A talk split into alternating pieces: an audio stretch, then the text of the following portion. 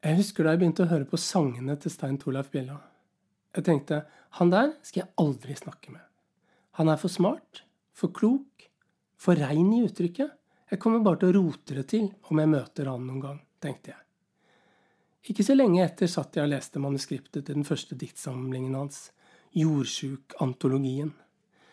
Og det var lett og fint å møte han, akkurat som å høre sangene hans eller lese det han skriver.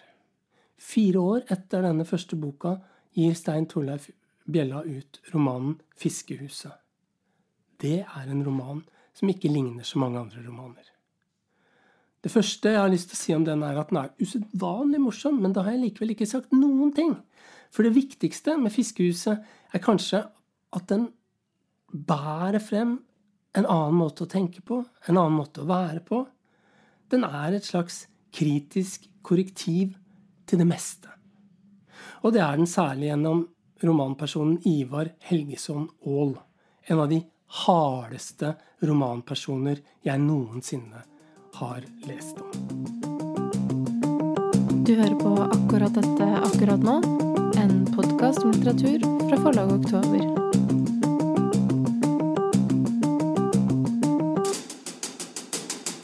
Hei, Stein Torleif. Hei, Geir. Du, jeg, jeg må bare begynne med innlandsfiske. Hva er det med innlandsfiske? Ja, for, um, for, for, meg så er det jo da mat uh, Det har vært veldig sånn matauk. Um, og det var det jo en gang for veldig mange, eller for egentlig alle som hadde tilgang på eh, fisk i Innlandet. Men så har det vel endra seg fra å være viktig mat til å være egentlig bare sport. Da. Eller en slags opplevelse, komfort, fritid. Så da, i det så endra jo fangsten på mat, fisk, seg til mer eh, et troféfiske, da. En stor fisk, liksom. Um, ja, så det er vel den, det, er det som er innlandsfiske for meg. ja. Men det, for det er jo en veldig viktig del av denne romanen 'Fiskehuset'. Og du kan masse om det.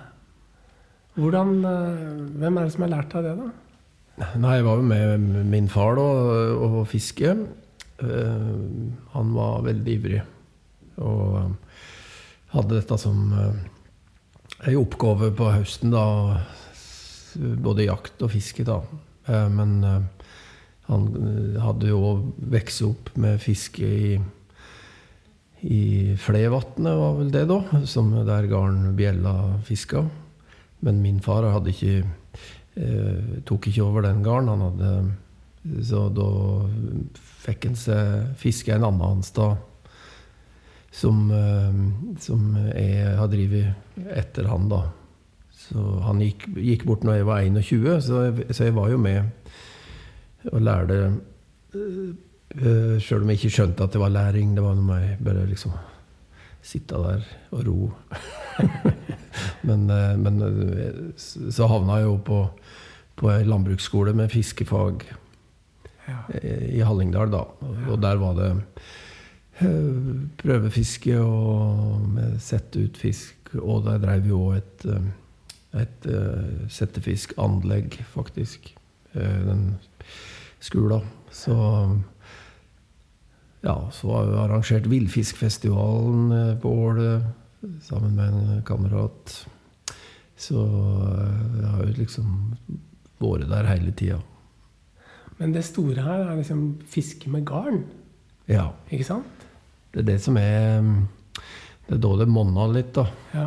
Så det er jo ikke Så far min heller drev jo eh, ikke noe særlig med stangfiske. Han hadde det ei flugu, ei flugustang som jeg har, som henger oppunder Mønsåsen.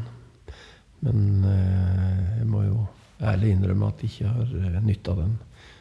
Det går bare i maskevidde og antall garn. Og det gjør du ennå, eller? Ja. ja. Mm. Så når du skriver om dette her denne romanen er. Kanskje vi må bare fortelle hva romanen er, hva den gjør, på en måte. Ja. Eh, den har en hovedperson som heter Jon. Ja. Han har en onkel som heter Ivar. Og så blir han plutselig eh, invitert med inn til et vann. Ikke sant? Ja. Eh, kanskje du egentlig kan ta og lese fra begynnelsen, sånn at vi går rett inn i romanen? ja. Romanen er jo sju dager, altså ei uke høstfiske. Så eh, etter eh, Etter eh, prologen, ja, så kommer eh, første kapittel. Og det er da mandag. Neste år må du klare alt sjøl. Skal du bli en god fisker, må du tenke som en fisk. Onkel Ivar ser rett på meg. Sjøl om panna er drivvåt, ligger den amerikanske sideskillen perfekt. Vi står på vollen ved båthuset. Vatnet Storsend breier seg mot vest. Det er større enn jeg huksa. Ivar myser i lynklart høstvær. Han har høye gummisko, feltjakke, strikka vottu og bremluve med øyrelapper. Det er bare fire kilometer fra parkeringa, men for Ivar ble det fire mil. Framoverbøygd og tungpusta kjempa han seg hit. Tyngdekrafta og hardt ramma ryggvirvler pressa han mot bakken. To ganger ramla han. Først trakk han feil og datt sidelengs. Sekken og han lå sammenfletta med ungskogen. Han freste som en hoggorm da jeg fikk en løs. Like etter datt han bakover i stigen. Han kila fast baken mellom to steiner. Da jeg sprang til for å hjelpe, slo han etter meg med staven. Han kom seg løs for egen maskin ved å vogge att og fram. Etterpå halta han på høyrefoten. Jeg tenkte at onkel ikke lenger er mannen for høstfiske i kalde fjellvann. Han har elendig balanse, syn og hørsel. Han fryser konstant på hendene og vil søkke som en stein. Det er bare kjeften som virker. Siden jeg henta han i dag tidlig, har han ikke stilt ett spørsmål. Det er ikke antydning til samtale, bare einetale. Jeg har ikke sagt ei heil setning, bare svara kort. Ja. Å ja. Og akkurat ja. Ivar, derimot, har prata i ett. Ei gang var det vidde. Ei gang var det aure på tre kilo. Ei gang lå snøen i august. En gang ba de til måne og eld. Ei gang var det to fiskebui, den eldste av stein og jord. Ei gang var båten flåte. Et år hadde Gofa mjølkeky med. Båthuset var fjøs. Ei kyr sto med teppe over seg om natta så hun ikke fraus. Slik sikra Gofa seg mjølk og mat og kløv heim. Han patruljerte vatnet med sylstav. Håndtaket var revolverskjeftet, og stokken geværløp. Det er dine forfedre, Jon. Hard voro dei, så langt at ende slekt er kjent. Klokka er tre på ettermiddagen. Vatnet ligger rett under 1000 meter. Det er mørkeblått og småkrusa seg. Ivar orma seg ut av sjekken. Han setter seg på steinbordet. Han skjær smertegrimasa da han retter seg opp. Så trekker han pusten og sier Jeg vil du skal ha dette, Jon. Vatn, båt, båthus, gården og alt i hop. Jeg så helst at noen som var skikka, fikk det. Dessverre lova jeg en gang å holde storsend i slekten. Jeg har støtt sagt at eiendommer kommer og går. Det er folk og band imellom folk som er viktige. Vi har føtter, ikke røta. Storsønn er unntak. Det må slekta eige. Jeg sto stille, fant ingen svar. Jeg var her som guttunge, var med far og Ivar på søndagstur i sol og varmt sommersvær. Ivar ville jeg og han skulle ro en tur. Vi skuvde ut båten. Far satt att ved båthuset på land. Da vi kom på vatnet, ble redd og gret. Storsend var stort og svart og djupt. Vi hadde ikke redningsvest, og korkje Ivar eller jeg kunne simje. Når du blir redd, må du aldri sjå ned, sjå opp, sa Ivar beint til meg. Jeg la meg i botn i båten Vart våt på ryggen, for det pipla inn vatn flere steder. Festa auga på skyen og formasjonene som passerte over meg i høyt tempo. Så gjorde jeg ingenting av det Ivar sa. Lett bare øynene att. Drømte meg til fanget til far på land. Først da stansa gråten. Nå står jeg her, på den vesle fiskevollen, med en utsliten Ivar som gjespa etter luft og venta på en reaksjon fra meg. Jeg er sjakkmatt, og det eneste jeg klarer å uttrykke, er Ja, du. Tenk det, svarer Ivar. Jeg skjønte det var noe viktig Ivar ville, helt fra han tok kontakt for et halvår siden og med avtala turen. Jeg var i øvingslokalet da han ringte. Venta på de andre i bandet. Vi skulle friske opp gamle låter, kanskje få inn et par nye. Var vi heldige, ble det spilleoppdrag til sommeren. Jeg hadde mitt. Ikke at jeg hadde så mange å tenke på i hverdagen, men jeg hadde mitt, som var viktig for meg. Likevel lova jeg onkel å være med denne viku. Jeg syntes jeg var temmelig raus da jeg sa ja. Ivar tok det som sjølsagt. Da vi svinga inn på parkeringsplassen, peika han og sa Jeg set støtt bilen der, så da gjør du med det. Sjøl om det ikke var noen andre på den store parkeringsplassen, sette jeg bilen der. Så fort håndbrekket var på, var Ivar i bagasjerommet, baksa på seg sekken, fiska fram bjørkestaven, sto ustø og klar. Jeg fant sekken med sengetøy, klesskift, turmat og drikke. Det ble ei tung bør. Til slutt hengde loppis-gitaren i ei reim over bringa. Så la vi i vei. 200 høgdemeter opp, 4 kilometer inn. Og der begynner det. Ja. Og det, og det er jo også en, det er ei uke med utskjelling, på en måte. Som, Ja. ja han, eh, han har en sånn voldsom eh, trang til å tukte, han eh, onkelungen. ja, veldig òg. Og det, det han Jon tenker på et eller annet tidspunkt, så tror jeg det står at han har en Ivar, han har en grov personlig stil. Kanskje stilen til en generasjon. Er det det? Ja, det, det er nok Det må jo være. Jeg kjenner jo flere som er veldig direkte, som er eldre enn meg. Som er mye mer direkte i, i stilen enn eh, enn det er. Og jeg, jeg, sy- jeg syns det kan være litt sånn ubehagelig, da. Ja. Eh, og så setter jeg egentlig veldig pris på det. Så det, jeg tror det er et Det har med en generasjon å gjøre. Ja. Jeg har sett en som eh, På en film en gang så så jeg en som jeg syns ligner litt grann på Ivar. Mm. Det er første filmen til hun eh, Jorunn Syversen. Ja. Hoggern. ja. Gir det mening, syns du? Ja, det gjør det. Og jeg var jo på premiera av den filmen, og jeg, jeg var i ei samtale om filmen. Og eh, Men det, det som er litt sånn uklart for meg, er at For jeg tenkte ikke hoggeren når jeg skrev, men eh, dette her med mester, læresvenn, det er jo en sånn veldig gjenganger i, i mye litteratur Ja. og film. Det er jo liksom Karate Kid, for eksempel.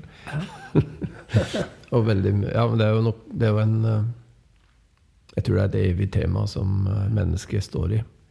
Ja, det er, det er en eh, Det er jo en roman som eh, ikke ligner på mange andre romaner på den måten at den, det er et sånn lærestykke. Det er en hel uke med læring. Og, og det Altså, jeg, jeg har tatt til meg alt sammen. Jeg prøver å bli som Ivar, jeg. Så det Men jeg, jeg, det jeg egentlig lurer på, er om du eh, har en type her som det fins flere av, men om er det sånn at eh, dette, er dette noe i Hallingdal? Det er spesielt for Hallingdal, tror du det? Nei, det kan jeg ikke skjønne. Jeg Den stilen må- der? det, Den må være Den må nå være å finne alle steder. Ja. Det jeg- vil jeg tenke. Ja. Men tradisjonen høstfiske vil jo følge, fjellbygder, da. Eh, Sjølsagt. Der det er eh, mulig å fiske ørret. Eh, det, og legge ned rakafisk. Det forhøyer jo med et, eh, et liv over 1000 meter, stort sett. Ja. Men, ikk- men den, men den der eh, utskjellinga er kanskje mer universell. Ja, det, det kan jeg ikke skjønne at den, at den ikke er det. Altså, det, det. Det må den være. Og det har jo nå fanga opp både i det folk har sagt og skrevet om fiskehuset. At eh, både i nord og i sør og i Midt-Norge så sier jeg at jeg, jeg kjenner en slik. Eller Ja. jeg har en sånn onkel, eller jeg har Ja. en sånn far. Eller Ja. så, um, Og det er jo en veldig eh, godt meinende, oppriktig ting, tenker jeg, som eh, Ivar Han har egentlig bare én tur, ei uke. Det er ikke noe sånn Det er ikke en eh, reserve Det er ikke generalprøve, det er premiere. Det er eksamen. Eh, den dagen. Det er mye som står på spill. Ja, det er det. Og en er jo litt engstelig for at han ikke Han er jo engstelig for at en ikke skal mestre forvaltninga. Men eh, det, han er jo òg litt ute etter den i forhold til, til både kjærleiken og denne her eh, kunstnerprosjektet hans. Som eh, og, eh, For det, Ivar, han og sier yrkesliv. Ja. Ja, yrkesliv, ja. Mm. Men og, han er jo Han, han, han er Hva er det du sier? Han er spellemann også? han spiller ja. fele? Ja. Ja. Mm. Og har noen fantastiske utgreiinger om kunsten og livet. ja.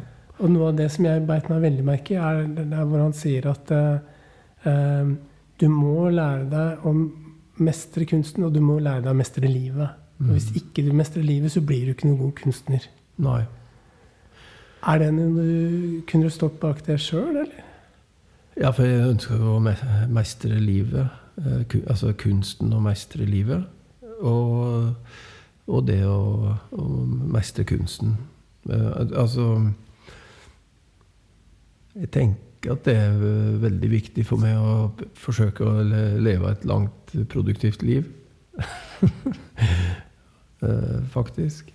Og da eh, Derfor så tenker jeg at det er viktig å mestre livet. Ja. Men det er noe polemikk i dette her òg, eller, eller er det ikke det? For det, den der, eh, det fins jo en, en sånn forestilling om at den som lager kunst, gjør det av en mangel, eller gjør det fordi man ikke mestrer livet, på en måte. Men det går, denne, går i hvert fall Ivar imot. Ja, for i hans tradisjon så er jo instrumentalmusikken, fellesspillet, eh, en veldig viktig del av livet. Men, den går, men det livet går parallelt med, med industribygging og, og eh, samfunnsbygging. Og han, han, det er ikke enten-eller. Eh, tror eh, og det, det, det er jo noe slik veldig mange spellemenn uh, fra min plass har, har levd, at de, de spilte og gjorde det med det største alvor. Og samfunn, sam, samtidig var de jo bønder eller, eller prøvde å drive bygda fram. Så da gjorde det på en måte ikke enten-eller, men både og, da. Ja. Det gjør egentlig du òg. Du gjør liksom ja. du Eller? Ja, nei, det, er det veit jeg jo litt Eller jeg lever jo til å- spille. Jeg. Ja. jeg er jo på en måte en, en som har eh, I hvert fall de siste tolv åra så har jeg bare fått lov å, å være kunstner, da. Men uh, fram til det så, så, hadde jeg jo, så har jeg hatt ma, an, annet arbeid. Alltid. Men når var det du begynte å skrive? Eh, Jeg skrev tidlig for at um, mor og far min syntes det var moro når jeg las um, stilene mine for, for deg, da. Og jeg husker jeg hadde en norsklærer som het Bjarne Ragnhildstveit. Så han eh, las uh, stila høyt i klasserommet. Og en gang las endte en med, og jeg bare Det var stort for meg, rett og slett. Jeg kjente liksom at det, det var en bra Det var moro.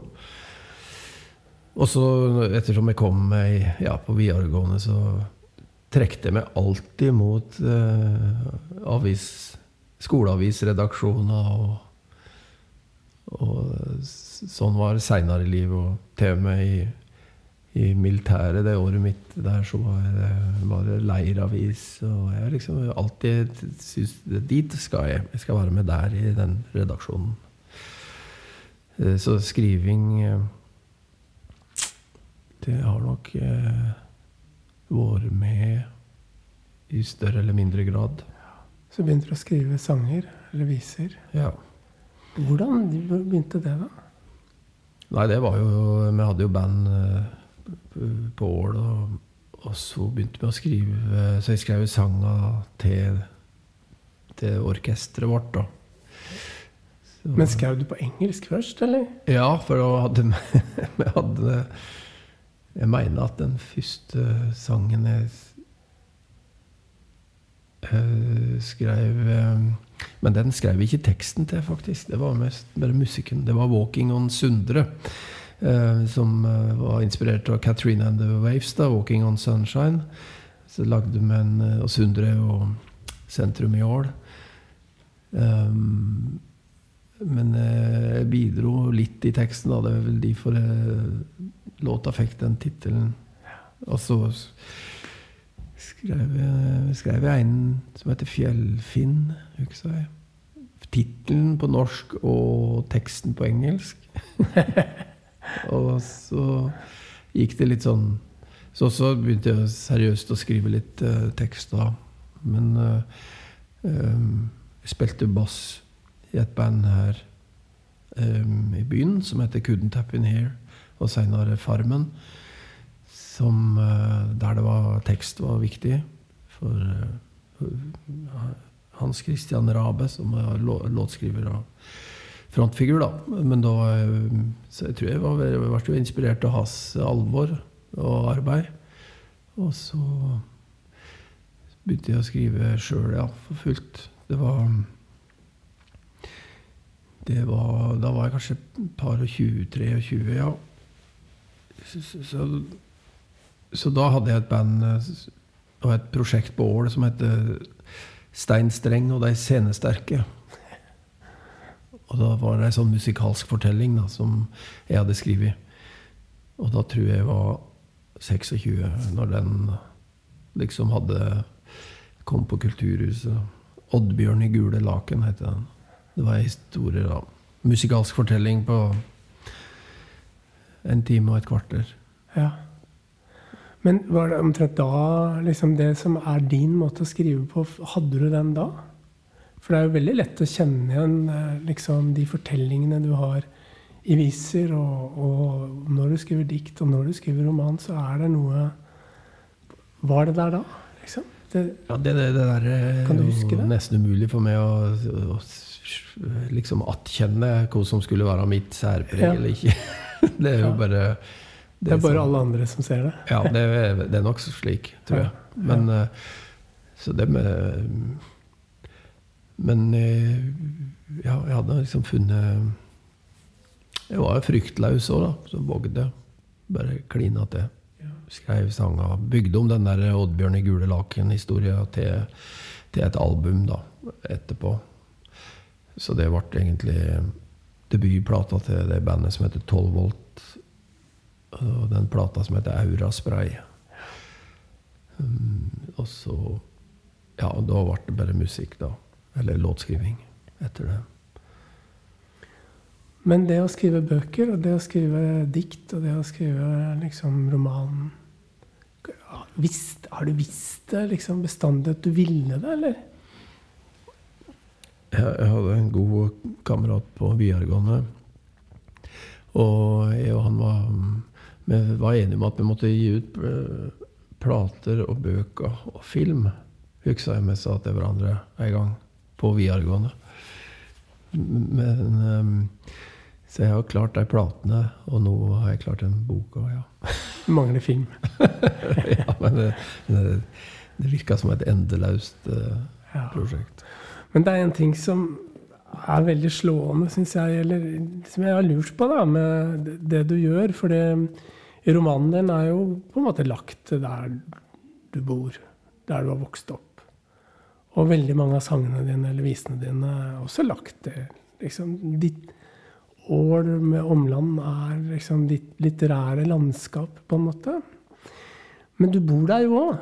Eh, ofte, ofte så tror man at folk må reise vekk for å kunne skrive om det de kjenner. Er det, hvordan er det? Er du spesielt modig, egentlig? Som kan liksom bo der og, og, og bruke det som litterært landskap? Ja, kanskje det er slik. Men øhm, Men øhm, Jeg har jo Jeg har ikke bodd der hele tida, så jeg har jo liksom hatt en sånn periode vekk, og så kommet tilbake. Men øhm, jeg tror at øh, når jeg liksom skal lage noe, så må jeg få en sånn følelse til at øh, at det er litt viktig. Og da har det blitt viktig når jeg liksom øh, øh, Når det er et eller annet som tangerer øh, i mitt liv, da. Så Men så skyter jeg av gårde igjen, da. Altså sånn i, i dikting. I, men det bare passa inn i en sånn ei ramme da, som jeg har laga meg. Men det, har jo, det er jo mulig at jeg ikke har så veldig mange flere sanger å skrive om, om mål nå. Jeg veit ikke. Men eh, jeg har jo skrevet om eh, livet oppå åsen og ned i sentrum og på bygdevegene. Og, og, på kaffen og på torget og Det på ser ut som du har nok, eh, nok å øse av, da. Men du skriver selvgeografisk, som noen sa en gang. Ja, jeg så det. Mm. Ja da. Det var mm, et nytt ord for meg. Ja, jeg tror det var Karl Ove Knausgård som sa det første gang. Akkurat. Um, og han begynte med det, tror jeg. Men, um, men det er i hvert fall sant i ditt, i, i, i ditt tilfelle, da. Men jeg lurer på det derre eh, Det kommer sånne fantastiske taler fra han der Ivar i, i denne romanen. Blant annet så har han en lang utlegning om kunst som um, og musikk, da. Hvor han skiller mellom det, eh, det drivende og det tankefulle. Mm. Hva er det for noe? Nei, det er jo eh, to liksom, retninger i, i folkemusikken som jeg har liksom merka meg. Eh, Når de omtaler felespill, f.eks., så har det ofte vært eh, de to eh, liksom retningene, da, som, som blir eh, omtala. Men kanskje ikke akkurat med drivende eller tankefullt, men eh, lignende begrep, da. Altså dansemusikk eller eh, lyarmusikk, f.eks. Um, så det, det er jo et sånt eh, spor som uh, liksom jeg syns var interessant å, å forske litt i, da. Og, og jeg ville at han Ivar Ivar skulle jo være uforutsigbar og um, allvitende og og um, um, litt vill. Og, et, og jeg hadde jo en slags idé om at den ikke kunne være helt realistisk, da. Fordi at den Han spegla på en måte naturen, som er jo Men òg menneskesinnet, som absolutt ikke er forutsigbart, det heller, viser det seg. Så, um, og kunsten skal jo på en måte um, Ja, òg være en del av Ivar sitt, sin, sitt vesen, da. Han er en villmann. Ja. En desperado. ja. Jeg har egentlig aldri sett noe sånt i, i litteratur noensinne eh, som han. Men, eh, men jeg tror liksom fullt og fast på det som vi om, eller som du snakka om i stad, at det, det fins sånne folk. ja. Men er du egentlig sånn du? Ja, når en ikke legger bånd på seg, så er en jo Ja. Hvis en ikke har folkeskikk. Eller eh, eh, Ja, kan jo bli litt Jeg er jo redd for å være uhøflig. Og såre og, og sånt. Men eh, det er mulig at eh, at eh, jo eldre en blir, så blir en mer og mer som Ivar. da. Det har jeg jo merka meg. At eldre folk kan være veldig råe. Ta mindre hensyn. Ja. Ja. Og det er jo noe veldig godt over det. Ja. For jeg, har, jeg er jo ikke i tvil om at de liksom Jeg tror ikke de er sadistiske eller eh, sånne ting. Det er bare en sånn konfrontasjon og en direkte stil som, eh, som egentlig gjør veldig godt for stemningen rundt bordet. ja. Og det er jo det er vel kanskje først når man kommer på slutten av den romanen at man skjønner eh, hvor mye varme eller kjærlighet eller om, omsorg på en måte, som ligger i disse utskjellingene. da. Ja. Han er oppriktig eh, redd for at han ikke lever et godt liv. Eh, Han Ivar. Han eh, vil at Jon skal få mest mulig ut av det. Og, og da må han i hvert fall få med seg disse her læresetningene. Hvordan skriver du sånne ting som dette her? Skriver du for hånd? Nei, jeg har skrevet Jo, jeg, jeg har jo sånne notisbøker som jeg liksom har notert med Og så har jeg jo skrevet i ett langt dokument. Eh, og så prøvde jeg å skrive litt. eh, Starte én gang, starte to ganger. Starte tre ganger. Og da gikk jeg gjennom, da. Kom igjennom alt. Men eh, jeg husker jeg leverte alt hit, og da hadde jeg ikke fått på sidetall. På, for jeg hadde ikke forstått hvordan jeg setter inn sidetall ordentlig på det tekstprogrammet. Så det skal jeg, neste gang skal jeg gjøre livet litt lettere for meg. Men er det ja, Hvordan skriver du sanger, da? Eller sangtekster? Er, Ja, da må jeg ha gitar i handa. da. Altså, da, da det kommer liksom sammen med gitar, det. Altså, det er sånn jeg har gjort det. Men jeg har jo leita etter en, en start eller noen sånne one-linere eller noe som jeg syns uh, satt. Og så eh, Hvis du har tilstrekkelig med sånt, så blir det jo et vers. Og så Så lenge var det jo Ja, så skrev jeg kanskje med to-tre sanger. Og så barberte jeg ned til én, da. Når jeg var liksom eh, Ja, hadde kommet litt igjennom det. Fått det litt på avstand. Og så da, da ble det bra, på en måte, da. men er det stor forskjell å skrive en roman og skrive sanger? Ja, jeg syns det. Veldig.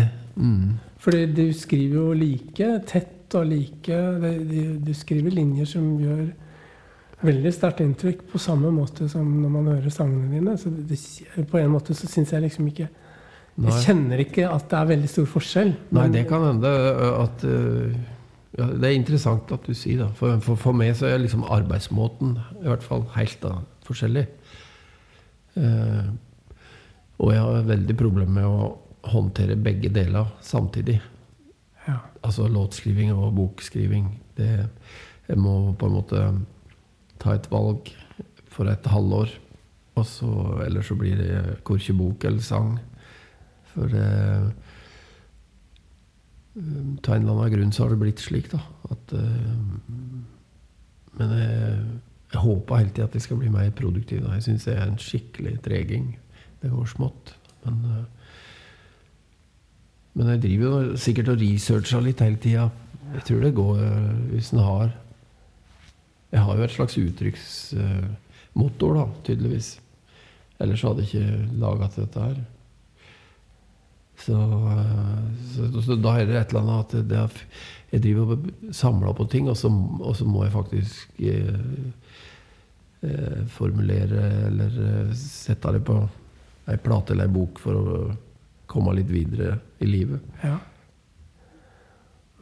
Men du lager jo Også når du lager sanger, så lager du liksom historier om folk.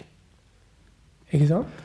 Ja I hvert fall Ja, jeg prøver Jeg vet ikke om det Jo, det er sikkert jo, det er historier, og så er det også sånne interessante karaktertrekk, syns jeg. Ja. Hvis, når, man sitter med den eh, romanen her, så tror jeg det er lett å tenke liksom at eh, Jon han spiller i band, han er ikke så gammel som Ivar. Han er, eh, liksom, han er deg, på en måte. Men er det sånn? Jeg, jeg mener at jeg, at jeg liksom faller inn i begge de to. Ja. At, for ellers hadde jeg ikke klart å skrive dem fram. Eh, men, men eh, jeg legger jo på en måte opp til at, alle, at eh, folk skal tro at det er Jon som Men eh, som ligna mest på meg, da. Men jeg er jo litt sånn Ivar når det gjelder fiske. tror jeg. Ja. Men en, jeg tror alle har en Ivar og en Jon i hver fote. ja. Altså, Hvis man er med deg i båt på et fjellvann, så er du mest Ivar, eller? ja, hvis det, ro, hvis det sitter bak og skal fiske, så er det jo Det er jo liksom ikke rom for så veldig mye eh, refleksjon. det er jo en litt fortetta situasjon akkurat der da. Så um, det er forskjell på om en sitter på baktofta og, og setter ut eller tar inn garn, eller om en er eh, roar. Det er det. Det er det som er, bestemmer hvor det Det er jo den som er på baktofta, som på en måte styrer alt. Pleier du å snakke om ting du jobber med? Kan du snakke om liksom, hva Hvis jeg spurte nå, hva, hva tenker du på nå? Hva, hva, skal du, hva kommer du til å skrive nå? Ja, jo, det kan du godt gjøre. Jeg driver og leter etter eh, en ny sånn eh, ramme som kan eh, romme liksom eh, det som gjør at det kan forløse ei, ei bok, da. Eh, og og det Jeg har kommet litt, litt på vei med det. Men jeg veit ikke om det, om det er helt på plass. Men jeg driver nok og uh, researcha og forska om det fins et eh, univers som jeg kunne utbrodert da, på lik linje med Eller ikke, ikke på lik linje med Fiskehuset, men, eh, men at det kjennes like viktig ut. Det er nok det. Du må ha en ramme først. Ja. Ja. Er det sånn med sangen da? Nei, jeg tror det er liksom greit med ett og ett vers. Ja. Det blir til ut ifra liksom Ja, linjene. ja. Ja. Men det er bokgreiene Det er akkurat som vi må ha en sånn stor eh, låve å sette det inn i. Ja. Og det er, for jeg, jeg tror at vi må på en måte Ei bok bør jo liksom eh, romme veldig mange eh, ting. Så um, hvis en har laga seg en, en, en, eh, en låve som er for liten, eller eh, som mangler noen rom, så, det, så, så blir ikke boka så bra, på en måte. Det, jeg, men så veit jeg òg at, eh, at det er utrolig mye litt sånn uinteressant innhold som kan bli veldig interessant når det er godt skrevet. Altså at, eh, for jeg veit jo at en del ordkunstnere bare fokuserer på språket, egentlig. Setning for setning og sånn. Det er jo en slags ideell verden, men jeg er ikke der da. Men jeg veit at det går an. Du ser, det ser ut som du kan skrive hva som helst når man leser det du skriver. Men jeg skjønner at det ikke oppleves sånn når du skriver sjøl. Men jeg tenker at jeg kan skrive hvor som helst nå. Men, eh, men at eh, det må Vi må bare Vi må ha liksom de spora å gå etter. Det kan òg hende at, det, at det tankelivet mitt rundt dette er veldig sånn tvangsaktig ut, fordi at jeg har fiskehuset, så eh, har liksom vært gjennom det, og da tenker jeg at jeg må gjøre no- en del lignende grep da, for å komme inn i neste bok. Det er ikke sikkert uh, en må det, men uh... Nei. Det viser seg. Det blir spennende å se. ja, Ja. for meg. Takk skal du ha. Takk skal du ha. Lytt til flere episoder av akkurat dette akkurat nå, der du hører på podkast.